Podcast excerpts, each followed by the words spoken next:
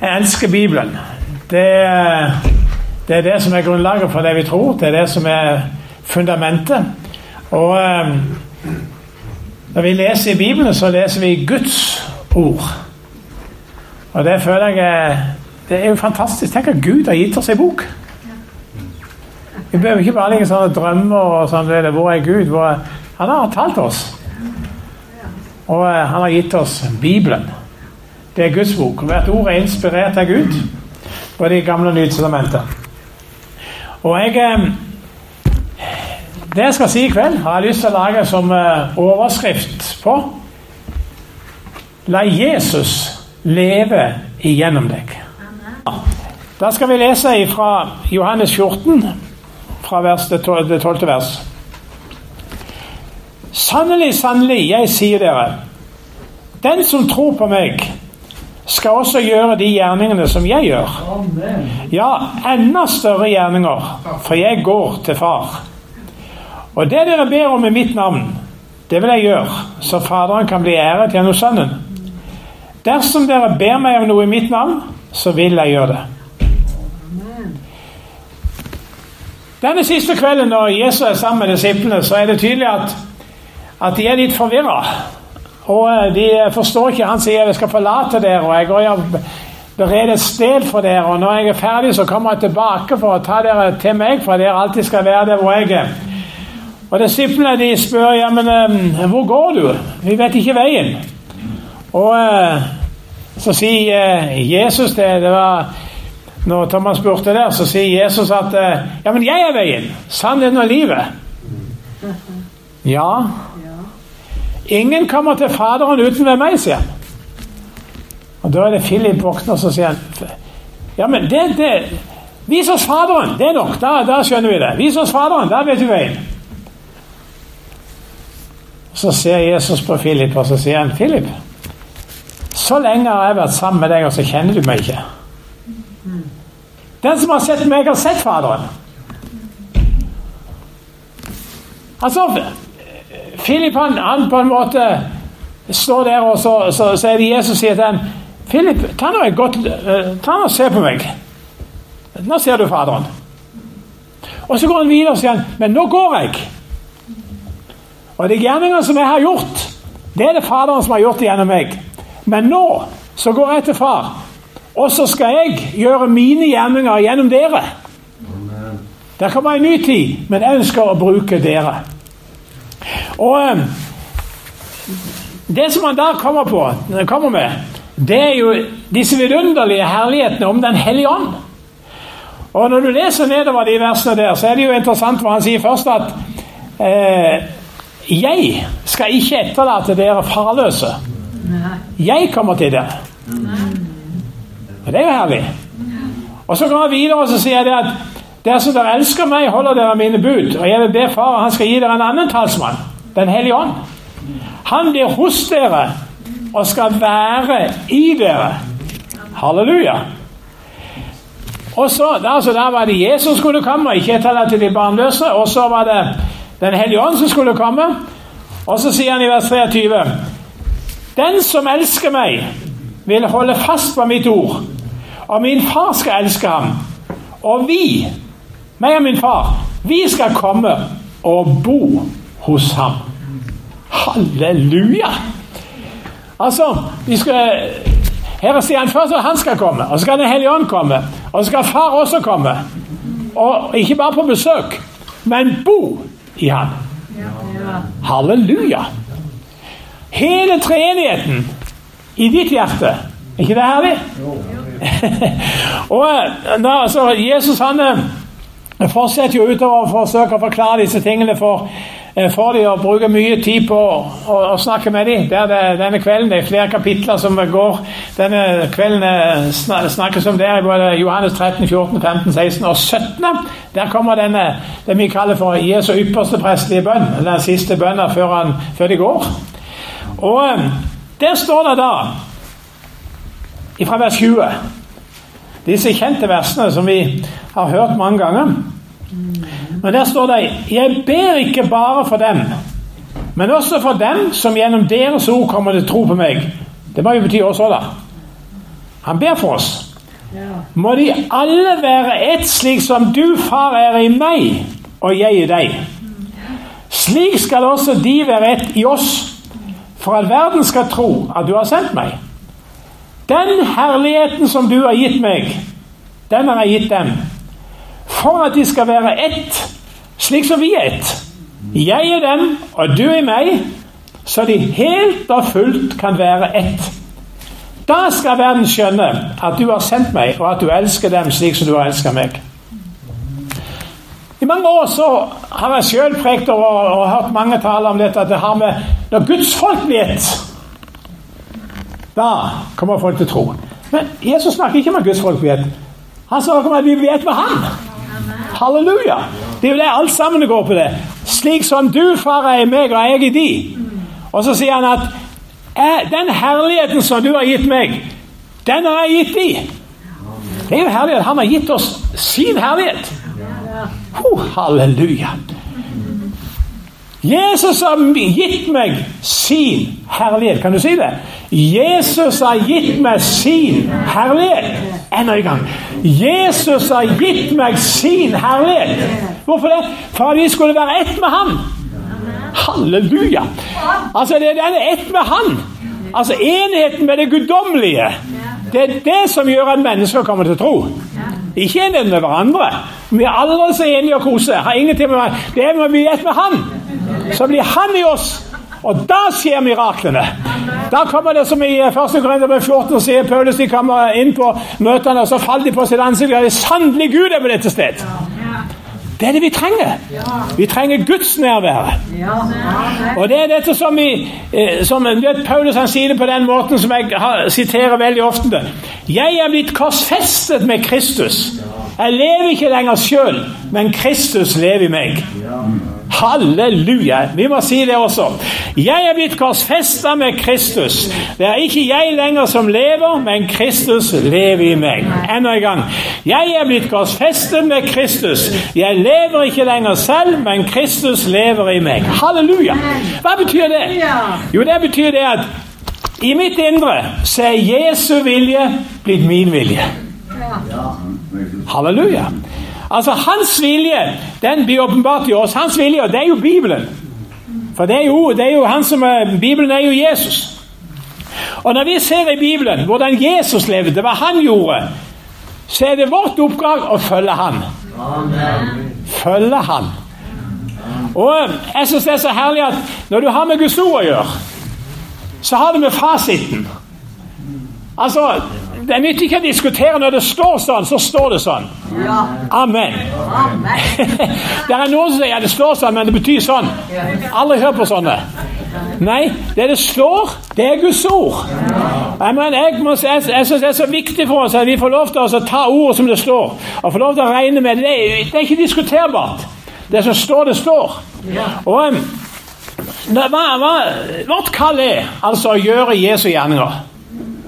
Og når, når våre, vårt kall er å gjøre hans gjerninger, så må vi jo skjønne hva, hva var det han gjorde, da? altså Når vi skal gjøre hans gjerninger, så er det jo viktig å vite hva han gjorde. Og Det finner vi jo i de fire evangeliene. Og Når vi leser apostlenes gjerninger, så ser vi hvordan apostlene fortsetter å gjøre hans gjerninger. Og eh, Hva var det Jesus gjorde? Nå har jeg lyst til å si bare sånn ganske kort stikkord her. For det første, han begynte etter at han hadde blitt fylt med Den hellige ånd, så kom han tilbake igjen, står det, og så forkynte han. Guds rike er kommet ned. Omvend dere. Han kom med et skikkelig radikalt budskap. Johannes hadde, hadde jo allerede begynt med det samme budskapet. Og han hadde Masse mennesker kom der og ble omvendt. Masse tollere og syndere de kom ut der i ørkenen, og det ble døpt av, av Johannes. Og eh, så kommer Jesus. Himlenes rike kom ned. Omvend dere. Og så, gjorde Jesus, så fortsatte Jesus, og så begynner altså han, under, han forkynte, og så lærte han. Han både underviste og forkynte. Og Når du ser eksempel å lese en av det som Jesus hadde i begynnelsen, denne bergpreken vi kaller det, i Matteus 5 og utover Hva var det Jesus underviste? Jo, han underviste de faktisk at de skulle holde loven. Du vet, Jesus han hadde ikke noe annen bibel, han. Han hadde bare Det gamle testamentet. Det var Jesu bibel. Og eh, Han sa de skulle holde loven, men han gjorde det mye vanskeligere å holde loven. Fordi at Jesus han sa at dere har hørt det sagt Han skal ikke drive hor. Men jeg sier dere hver den som ser på en kvinne for å begjære henne, har allerede drevet hor med henne. Han sa til, til, om, om, dette med altså, å hate Så sier han hver den som er sint på, på sin bror, har allerede drept han. ja, altså Han er skyldig for dommen. Altså, han, Jesus han var ikke bare å holde lovens bokstav, men det var hjertet som måtte være på plass. Og det er det som Jesus gjorde det veldig vanskelig. Og eh, så er det mange som kritiserer eh, dette her med fariseerne osv. Men Jesus han avslutter med å si Derfor skal dere være fullkomne, slik som min far er fullkommen. Det er sannelig Han la lista høyt. Derfor skal dere være fullkomne, som min far er fullkommen. Og jeg syns det er litt interessant. Veldig mange sier at Jesus var så sint på fariseerne. Han bare hadde stadig vært gjort som fiendskap med fariseerne. Det er sant nok, men hvorfor var det det? Jo, fordi de var hyklere. Det er jo interessant å se at Jesus sier til disiplene sine Så sier han at om, om fariseerne, da Dere skal holde Dere skal holde og gjøre alt det de ber dem å gjøre. Men ikke gjør gjerningene deres. For de sier noe og gjør noe annet. Han sa ikke at det de underviste, var galt. Nei da. Det man skal gjøre og holde alt det fariseerne sier. Men ikke etterfølge det de gjør. For de sier noe, så gjør de noe annet. Det han var imot fariseerne for, var hykleriet. Han kalte de for kalka graver osv. Og, så og han skjelte de ut på den mest uhyggelige måte. Og mens fariseerne satt der og Så sier ja, det ikke, det fariseerne de er bare ja, masse negative ting. Mens de satt og hørte på så snakker han om, om de. Jesus han, han hata hykleriet. Han ville ha dem på hjertet. Lovens bokstav var ikke det viktigste. Det var det som lå i hjertet. Og så gjorde han for det andre han helbreda de syke. Hele veien så gjorde han det. Og så sier han til disiplene også Gå og forkynn det samme budskapet når han sendte de ut. Himmelriket er kommet ned. Helbred de syke, vekk opp de døde, gjør spedalske rene og driv ut onde ånder. Som en gave har dere fått det, og som en gave skal dere gi det. Altså, Disiplene skulle fortsette å gjøre det samme Jesus gjorde. Det var jo det vi la oss i fra begynnelsen. ikke sant? Der er vi i dag også. Og Det er jo interessant når Jesus forklarer det for disse 70 som han sendte ut. Ikke bare de 12, men de 70 det er i Lukas 10. Så står det for vers 5. Når dere kommer inn i et hus, skal dere først si Fred være med dette hjemmet.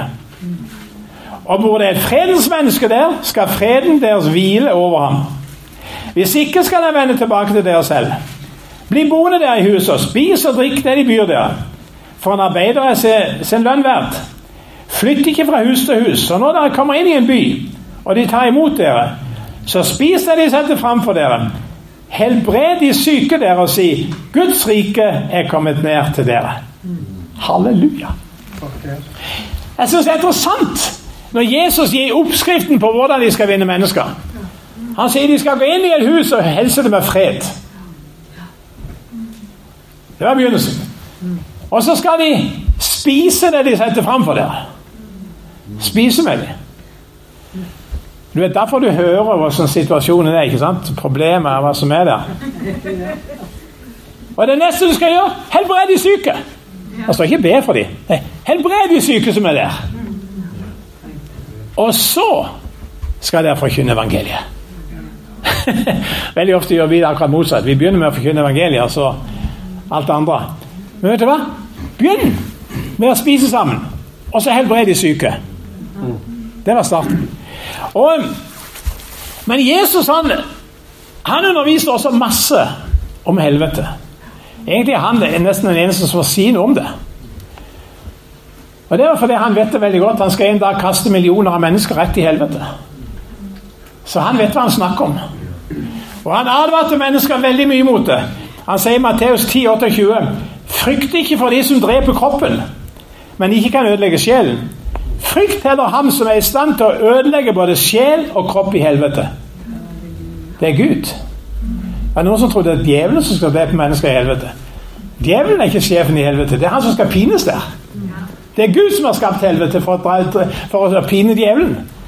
Det er han som skal kaste mennesker dit en dag, de som hører hjemme sammen med djevelen. Og du vet, Jesus gjør det veldig klart at det er mye viktigere å være rede for himmelen enn å ha en god kropp. Han helbreder syke, men samtidig sier han i Markus 9,43 om hånden din lokker deg til fall, så hugg den av. Det er bedre for deg å gå lemlestet inn til livet enn å ha begge hender og komme til helvete, til ilden som aldri slukner. Det er marken som eter dem, ikke dør, og ilden ikke slukner. Altså, hvis han sier øyet frister deg, så riv det ut. Hvis hånda frister deg, så hogg den av. Hvis foten frister, så hogg den av. Det er bedre å gå vannfør inn til livet enn å havne i helvete. Altså, det er godt å være sunn og frisk, men det er ikke det, det viktigste. Det viktigste er å ha sin sak i orden med Gud. Fordi Da vi skulle leve i 120 år, så er det bare en brøkdel av evigheten. Vi har disse årene for å bestemme hvor vi skal være i evigheten, og det er det viktigste. Det er der vi skal virkelig slippe oss løs i tjeneste fra Herren. Halleluja. Ikke bare i tusen år, men det er herlig vi skal gjøre, regjere med Herren. Det blir herlig. Men vet du hva? Han har sikkert oppdrag for oss i noe massevis framover. Halleluja. Han vet hvordan det skal være. Og du vet, Når, Jesus snakket om helvete så, vet, Noen sier ja, men det var bare sånn et sted der nede som heter der i, i Jerusalem og sånn søppelplassen som de, han brukte som, eh, som bilde. Ja, det, ikke, det spiller ikke noen rolle hva det var han brukte som bilde, men han, han bruker forskrekkelige betegnelser om det stedet. Jeg mener, Noe verre kan det nesten ikke bli. Han sier det at eh, det I forbindelse med den rike mannen Lasarus så står det han ropte 'Jeg pines i denne flammen'. Og han sier det er hvor marken som eter dem, ikke dør, og ilden ikke, ilden ikke slukner. Og så om den evige ild som jeg har gjort i stand for djevelen og englene hans. Han sier du skal kastes ut i mørket, der de gråter og skjærer tenner. Har du lyst til å komme på et sted sånn sted? Ingen av oss har lyst til det. Men da, er, da er det et valg vi må ta for å unnfly det. Fordi at det er ikke noe som kommer av seg sjøl. Jesus sier det at mange går på den breie veien. Der trenger du ikke ta noe valg. Der bare følger du med strømmen. Og da havner du nettopp på dette stedet. Men om vi får lov til å våkne opp og si 'Jesus, jeg trenger deg', så kan vi få evig liv av bare nåde gratis i vårt hjerte. Halleluja. Og du vet eh, Jesus han tilga synd. Men han kom med veldig konkrete betingelser. Dette Han sa til hun synderinnen som de kom med til, hun som hadde drevet på, tatt på fersk gjerning i hor. Og så, så, kommer Jesus, og når ingen har fordømt henne, så, sier, så spør Jesus om har, har ingen fordømt deg. Så sier hun nei. Så sier Jesus heller ikke jeg fordømmer deg, men gå bort og synd ikke mer. Og til og med han som hadde vært, blitt helbredet etter 38 år med, der i Betestadammen Og ikke så Jesus han helbredet han og møtte han igjen i Johannes 5, 14. Så sier han 'Nå er du blitt frisk, synd ikke mer, for at ikke noe verre skal hende deg'. Det er ingen tilgivelse uten omvendelse. Det har med tilgivelse har med å snu rundt ifra synder. Ikke fortsette i synder. Jesus kom for å frelse oss fra våre synder. Ikke for å frelse oss i våre synder, men for å løse oss ifra det. Fordi at for å komme til himmelen og for å trives der, så må du ha et hellig sinn. Ingen kan trives sammen med en hellig Gud hvis ikke de har et hellig sinn. Det vil være grusomt. Ikke Gud, Derfor kan ikke Gud tillate noen som ikke er blitt fris i synd, å komme dit. Men la meg si litt mer hvordan Jesus var. Han skapte også splid og strid. det er noen som er så veldig fredelige. De skal ikke, fred, de skal ikke slåss med noen. Men Jesus Der står at slik ble det splid iblant folket på grunn av han. Han skapte splid. Litt senere står det det ble atter splittelse blant dem av han. Noen for, noen imot. Masse krangling. Og Jesus sier at sånn skal det bli til og med i hjemmene.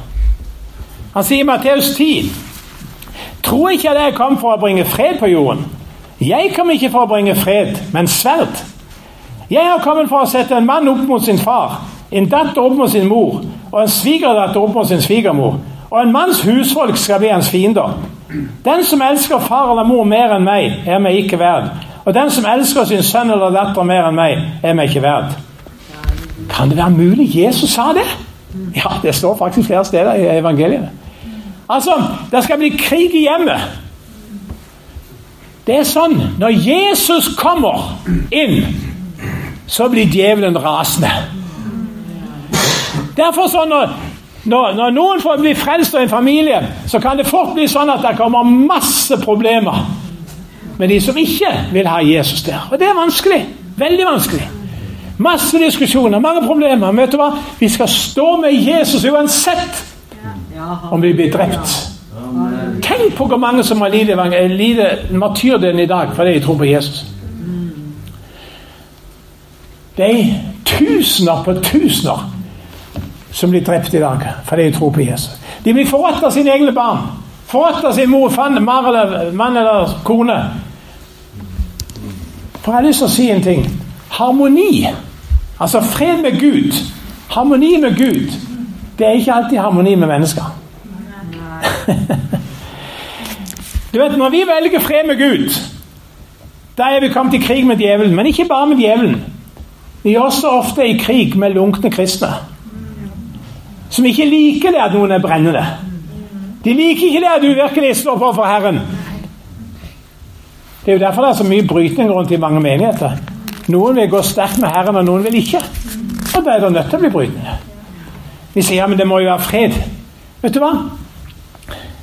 Enhver vekkelse har skapt splittelse. Tenk på Hauge. Det var ikke et eneste kirke i hele Norges land som slapp han inn. Og han fikk lov til å tale. Det er ganske skremmende. Han holdt på til i husene. Men overalt så ble det splittelser. De raste over hodet.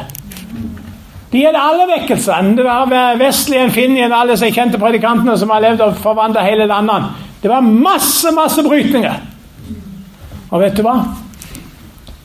Sånn er det fremdeles. Vi må tåle store slagsmål med djevelen og med hans sendebud. Vi skal stå rent for Gud. Jeg må si at vi trenger å være våkne i denne tida. Fordi at det var Vi kjenner om disse ti omfruene. Det står om fem av de. De opplevde når Jesus, disse brudgommen, kommer, så var det fem av de som sa våre lamper slukner. De hadde hatt lampe, de hadde hatt lyset der. Men de opplevde at det, det var ikke det slukna. Og en dag så ble de stående utenfor og banke på. De kom ikke inn. Jesus sa 'Jeg kjenner dere ikke. Gå bort'. Og jeg må si at Det er noe av dette som jeg opplever som det mest alvorlige og mest fryktelige i mitt eget liv. Det er alle disse som tror at alt er ok, og så kommer de til å bli stående utenfor og banke det på en dag. Det føler jeg er så alvorlig. Og Jesus snakker så mye om det mange steder. Og vi vet også at når Jesus skriver til menigheten i Laudikea De som trodde alt var så godt, og det var rik og overflod og mangler ingenting og så blir Jesus kvalm av de og spy de opp av sin munn. Og han sier 'omvend dere'. Ellers var det ingen redning for dem. Og Der står om menigheten i Sardes. Du har navn av å leve, men du er død. Hvilke forferdelig. En hel menighet som hadde navnet av å leve, var død. Og vet jeg, jeg har sagt det mange ganger i den senere tid, i, i forkynnelser og videre. Og jeg må si at Noe av det som må være verst, verst det er disse forkynnere som kommer dit, og disse Herrens tjenere som kan komme foran Jesus en dag. Og så får de oppleve at Jesus sier 'Jeg kjenner dere ikke'. Så sier han, 'Vi har profetert i ditt navn, vi har syke, vi har gjort under og tegn'. Vi har, vi har, vi har vi tjente deg i ditt navn. De får seg sin livsforskrekkelse. Jesus sier 'Jeg kjenner dere ikke'. Dere som brøt loven. De gjorde synd. Synd er lovbruddere. Ingen som lever i synd, får slippe inn i himmelen. Det er bare én måte å komme til himmelen. til på, det er å snu ryggen på synda. For synd kan ikke komme dit. Vet du, Noen som har den ideen at jeg skal leve i synda nede, men når jeg dør, så blir jeg plutselig hellig, og så kommer jeg til himmelen. det er ingen som blir hellig når de dør. Du må først bli hellig her. Da skal du bli rykka med han opp til himmelen, som vi hørte. Og Det er derfor det er så viktig at vi får lov til å ha Jesus i vårt hjerte. At han får lov til å være der. Og vet du noe? Når vi følger Herren, da får vi et harmonisk liv. Hørte du det? Når vi følger Herren og er lydige, da får vi et godt, harmonisk kristenliv. Halleluja. For du vet, det er da vi er ulydige, det er da det blir frustrasjon. Når vi ikke adlyder, da blir det masse frustrasjon i vårt liv. Men når vi er lydige, da kommer det ut veldig veldig, veldig harmoni og fint inn i vårt indre. Og jeg må si at eh, det har vært eh, så interessant å se hvordan Når jeg adlyder Gud, så kjenner jeg gleden og freden. Og Jeg har opplevd så mange ganger du står i Skal jeg for eksempel, gå på et bønnemøte, eller skal jeg gjøre det og tjene Herren dette og sånn? Så, Uff, jeg er så trøtt, og nei, jeg orker ikke. Andre sider, annet, se på TV-program eller et eller annet. Det er ikke jeg interessert i. Men, men du føler ikke at 'nei, jeg orker ikke gå nå'. Men så kjenner du den indre stemmen som sier 'jo, du skal gå'. Og så går du. Du kjenner deg veldig litt så 'uff, nei'. Men når du da kommer der, så halleluja. vet du når du går ut fra bønnemøtet igjen, tenker du hvordan i all verden kunne jeg tenke på å ikke gå her? Du kjenner gleden og tryggheten og harmonien i ditt indre. så er det bare, Du jubler glede fordi du gjorde det. Selv om det var tøft når du, når du begynte på det. Men vet du hva? Det er jo interessant at Jesus den samme kvelden, som jeg har allerede lest om fra Johannes 16 bl.a., så sier Jesus i vers 14 Dere er mine venner. Det høres flott ut. Hvis dere gjør alt det jeg befaler dere. dere er mine venner hvis dere gjør alt det jeg befaler dere. Altså, Jesus han satte stadig betingelser. Det er jo masse sånn når Jesus, leste, når Jesus underviste. Men i misjonsbefalingen, i Matteus 28, så står det i vers 20 det vi skal gå ut og forkynne evangeliet fra all skapningen og døpe dem osv. Og så sier så skal vi lære dem å holde alt det jeg har befalt dere. Du vet, Jesus er veldig opptatt med frukten av treet. Han er ikke så opptatt med Han, han ser etter frukten. Jesus sier også 'Jeg kommer snart, og min lønn er med meg', og jeg skal dømme enhver etter som hans gjerninger er. Vi er frelst av bare nåde, men blir dømt til gjerningene. Halleluja. Men det er den nåden gjør i oss. Den forvandler våre gjerninger. Den gjør oss til nye mennesker. Den får oss til å hate synden. Den får oss til å elske Jesu vei, og for å gå den veien. Og jeg, når, vi skal, når vi er disipler i lære hos Jesus, så er vi ikke fullkomne. Vi, vi feiler på den ene og andre måten. Men vet du hva? Jeg er så glad fordi at Jesus at når en disippel blir fulllært, så er han som sin mester. Altså, vi skal vokse. Og det som er så herlig, at mens vi vokser, så må vi lære. Og det er det somtid at det trenges både gjødsling, og det trenges beskjæring, og det trenges tukt og formaning og rettledning og alt det der for å komme videre. Men jeg er så glad fordi at om vi skulle falle, så har vi fått Den hellige ånd. Og da kjenner du med Å, nei, nå gjorde jeg noe som ikke jeg skulle. Og så må du rope til Han om nåde. Og halleluja, når du be, bekjenner din synd, så kommer gleden tilbake. Og plutselig så har du gleden der igjen. Halleluja. Halleluja. Gå aldri igjennom en dag med fordømmelse i ditt hjerte. Da er du svak. Da er du et bytte for djevelen. Få det bort med det samme! Og så la renheten komme tilbake i ditt hjerte.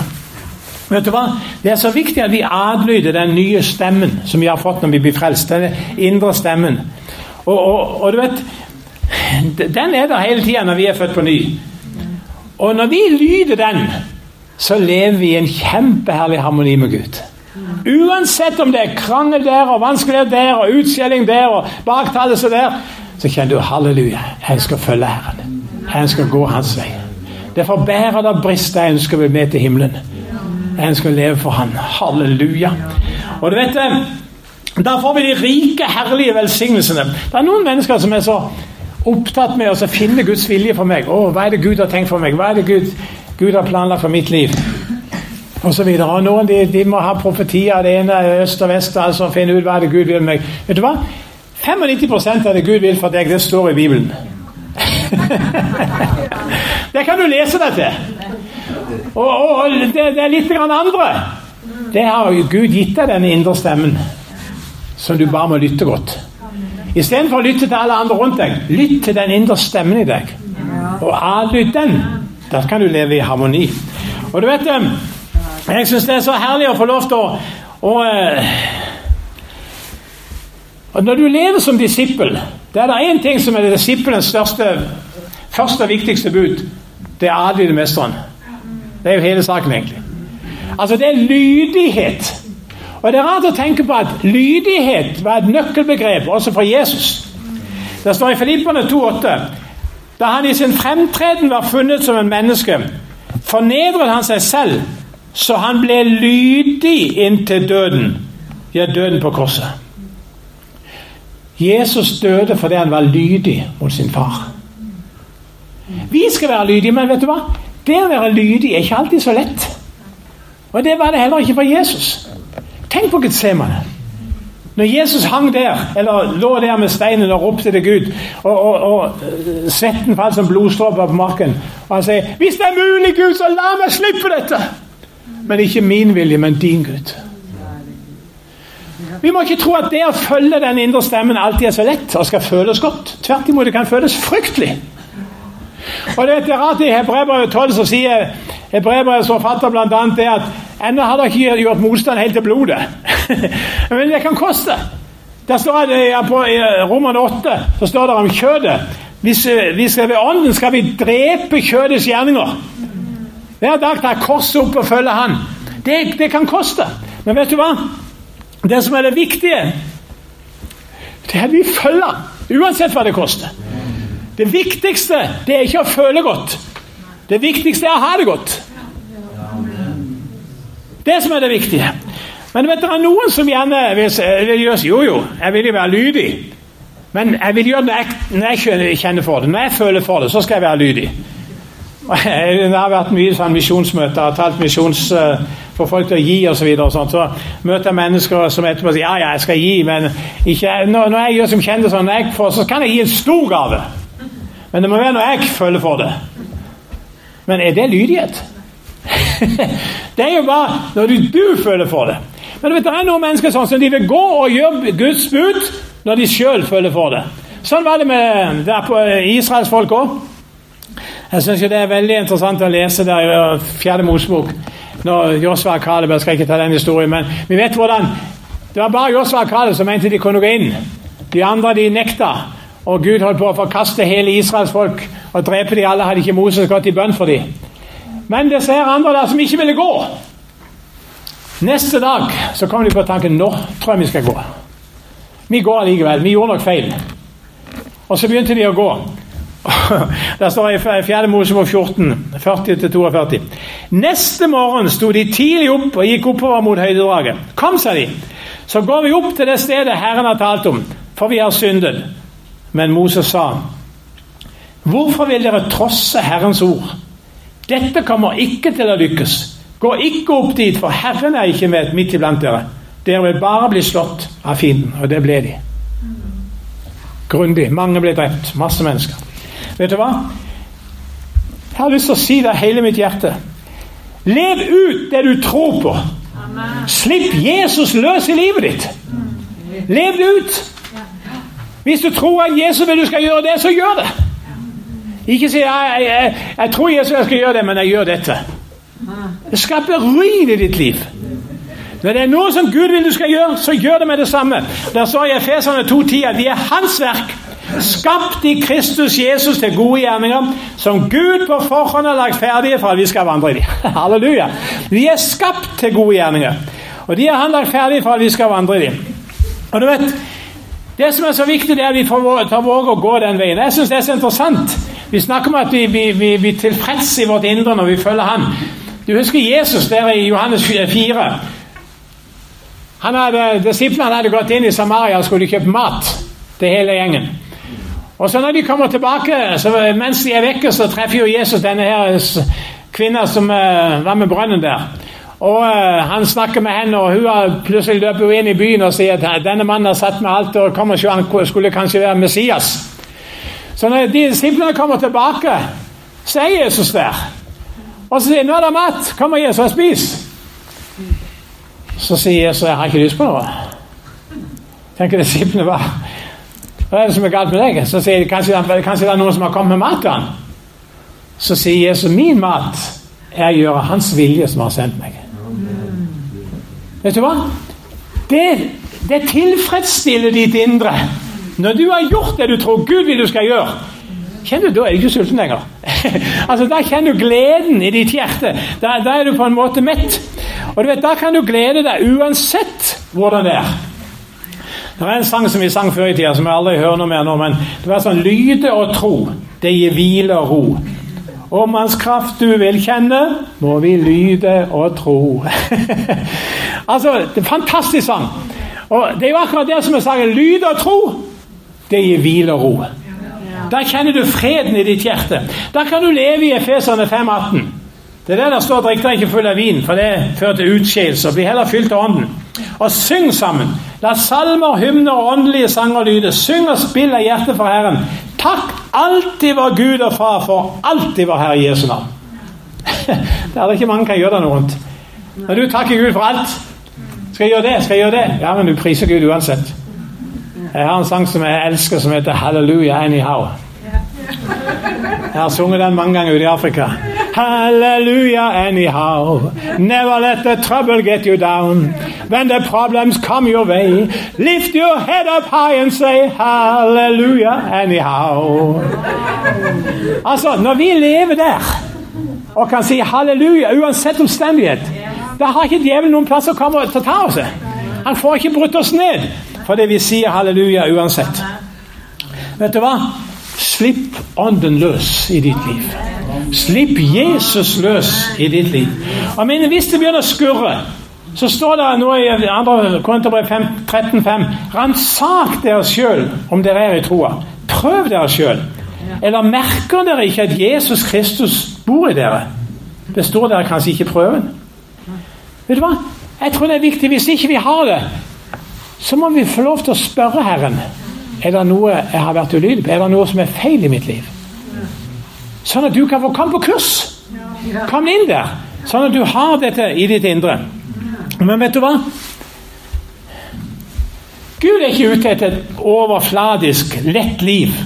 Og gjør som alt skal gå så bra, og alt skal være gode følelser. Bare, gjør som bare er opptatt med, med de, de følelsene dine. Men vet du hva? Det kan røyne på, selv om du synger halleluja. Paulus og Silas de sang halleluja inn i det innerste fangehullet.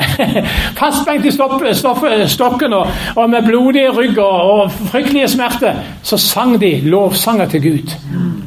Altså Det er ikke omstendighetene som er det viktige for deg. Og du vet til og med David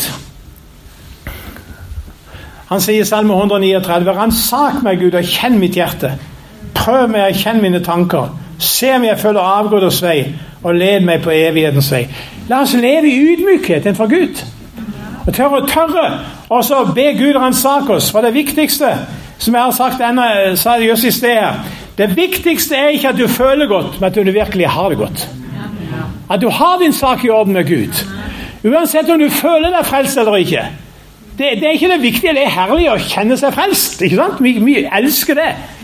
Men selv om ikke følelsen er der, hvis vi vet at Jesus er min Herre av hele vårt hjerte, så er vi frelst uansett om vi føler dårlig.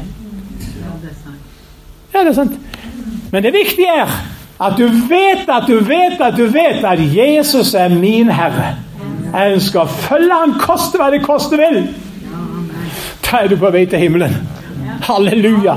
Om du føler en eller andre om du har fått lov til å komme der at han er blitt din mester og herre, da vet du hvor du er på vei. Og det er det herlige. Halleluja. Lytt til Den hellige ånd. Og Mot avslutning her så har jeg bare lyst til å si Jeg syns den måten som, eh, som det står i Filipperne 2, 15, så står det 'Mine kjære', sier Paulus til dem. Dere har jo alltid vært lydige mens jeg var hos dere. Så vær det enda mer nå da jeg er borte og arbeid på deres egen frelse med respekt og ærefrykt. For hør her.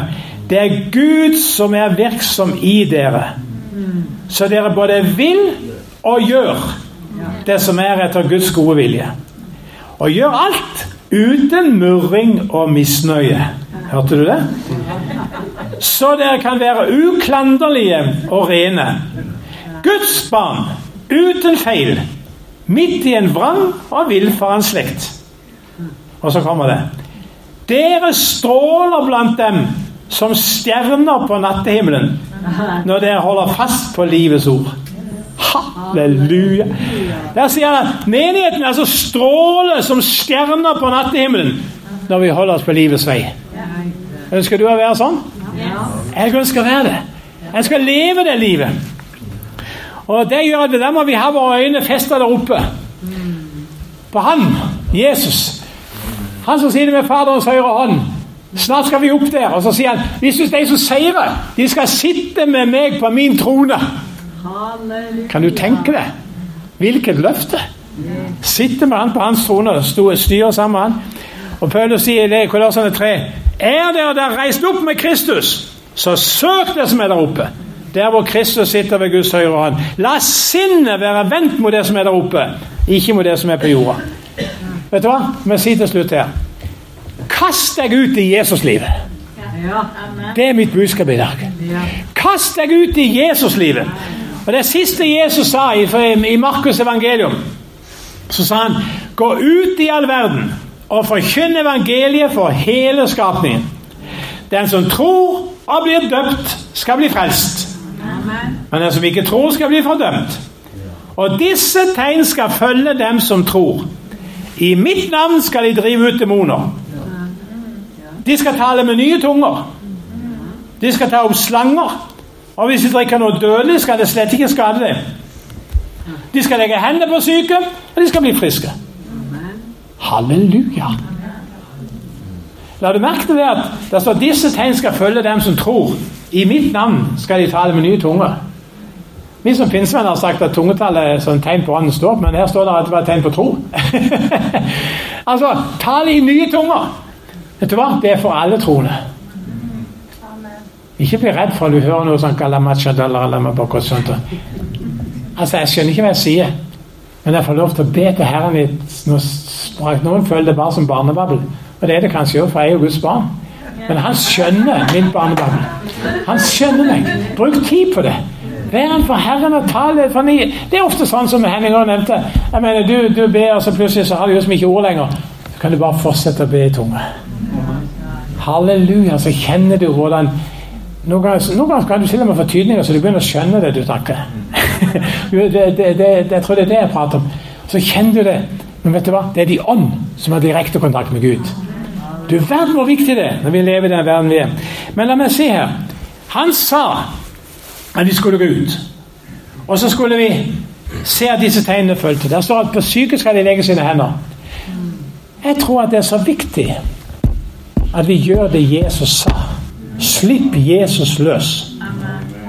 Jesus sa 'spis det vi setter frem for dere', og så helbred de syke som er der. Jesus han har gitt oss hender som vi skal legge på de syke. Så Løft opp hånda di. Løft opp hånda di. Ja. Si 'denne hånda skal jeg legge på syke'. Denne hånda skal jeg legge på syke, og ifølge deg, Jesus, skal de bli helbredet. Og ifølge deg, Jesus, skal de bli helbredet. Vet du hva? Det er ikke noe mer vanskelig enn å gjøre det. Ikke vent på noen himmelske åpenbaringer for å gjøre det. Du er sammen med mennesker du har sittet rundt bordet og spist sammen med dem. Og så er det noen som de, sier de er syke. Legg hånda på dem. Og se hva som skjer. Det er spennende. Legg hånda på dem og se hva som skjer. Og vet du hva? Helbredelse fungerer veldig lett når du er i en evangeliseringssituasjon. Har ikke du hørt hva jeg sa? Helbredelse fungerer veldig lett når du er i en vitnesituasjon. Da skjer det masse mirakler. Lett. Det er mye vanskeligere i et møte. Jeg ser folk blir helbreda i møter. Men det er mange som jeg sa, jeg har vært i Afrika i mange år og virka og de spør du så mange mirakler. Ja, i kampanjer og store utemøter og evangeliseringssituasjoner så så jeg utrolig mange mirakler. Blinde så, døve hørte, krøplinger sprang og alt dette. Men jeg må innrømme at jeg så nesten ikke mirakler i, i gudstjenestene. Iblant de troende. Det skjedde når de var i evangeliseringssammenheng. Hvorfor det? Fordi at miraklene er gitt oss for at Gud stadfester forkynnelsen med de medfølgende tegn. Og Jeg tror at det er en helt spesiell plass for helbredelse når vi skal være med og vinne noen for Gud. Da vil Gud gjøre det. Mye lettere. Og Det er mye lettere for folk helbredet på gata enn inn i møter. Jeg vet ikke om det er Hennings erfaring også, men i hvert fall min erfaring er det. Det er lettere å se de helbreda ute på gatene. Og det er jo ikke rart når du ser hva som står etterpå til slutt der. Vers 20. De gikk ut og forkynte overalt. Og Herren virket sammen med dem og stadfestet ordet ved de tegn som fulgte med. Amen. Amen. Halleluja! Stadfesta ordet med de tegn som fulgte med. Jeg vil utfordre deg. Gjør det bare. Gjør det bare. Hver enkelt, helt enkelt er like til. Noen ganger blir de helbredet, noen ganger ikke. Det, det, det er ikke ditt ansvar. Du kan ikke helbrede noen allikevel. Du bare gjør det. Og så er det Guds ansvar å legedom. For det kan ikke du gjøre. Du bare følger oppskrifta. Slippe Jesus løs. Enten du er på gata eller sitter rundt kaffebordet eller du er hvor som helst og prater med mennesker på et eller annet sted. Gjør det i Jesu navn. Og Det er jo interessant, det verset der. Det er noen som gjør som sier ja, ja, når Herren sender meg, så skal jeg gå. Og jeg bare venter på Herren. Og når bare Gud sier ja, hvis bare Gud går, så skal jeg følge han tett. Jeg skal gå rett etter han. Men hva var det Bibelen sa? Det står 'de gikk ut', og Herren dilta med. For å si det godt sånn sørlandsk. Herren kom med dem. Det var ikke Herren som gikk, og de kom etterpå. De gikk ut, og så fulgte Herren med dem. Der hvor du går, der er Herren med. Uansett hvor det er henne. Når du lever ut Jesu liv, når du går i Jesu navn, så er Herren med deg og stadfester ordet med de tegnene han sjøl har sagt som skal følge med. I Jesu navn. Halleluja. Herre, jeg takker deg for det du er her. Jeg ber deg, Gud, at hver enkelt som er her i kveld, skal få lov til å ta en beslutning om å kaste seg ut i din tjeneste i kveld. I Jesu Kristi navn. Herre, ber deg at de skal slutte å bare sitte og vente på deg, men at de tar våg å gå på din egen befaling, gå ut. Herre, ber deg for den eneste en her. Er det noen her som ennå ikke kanskje har vært lydige, ikke har følt det vanskelig? At det blir en beslutning i kveld at jeg vil gå. Jeg vil være lydig. Jeg vil leve Jesu livet. Jeg ber om det skal skje. Det Er noen her som ennå ikke er sikker på at Jesus er herre i livet? At de må ta beslutninger i kveld.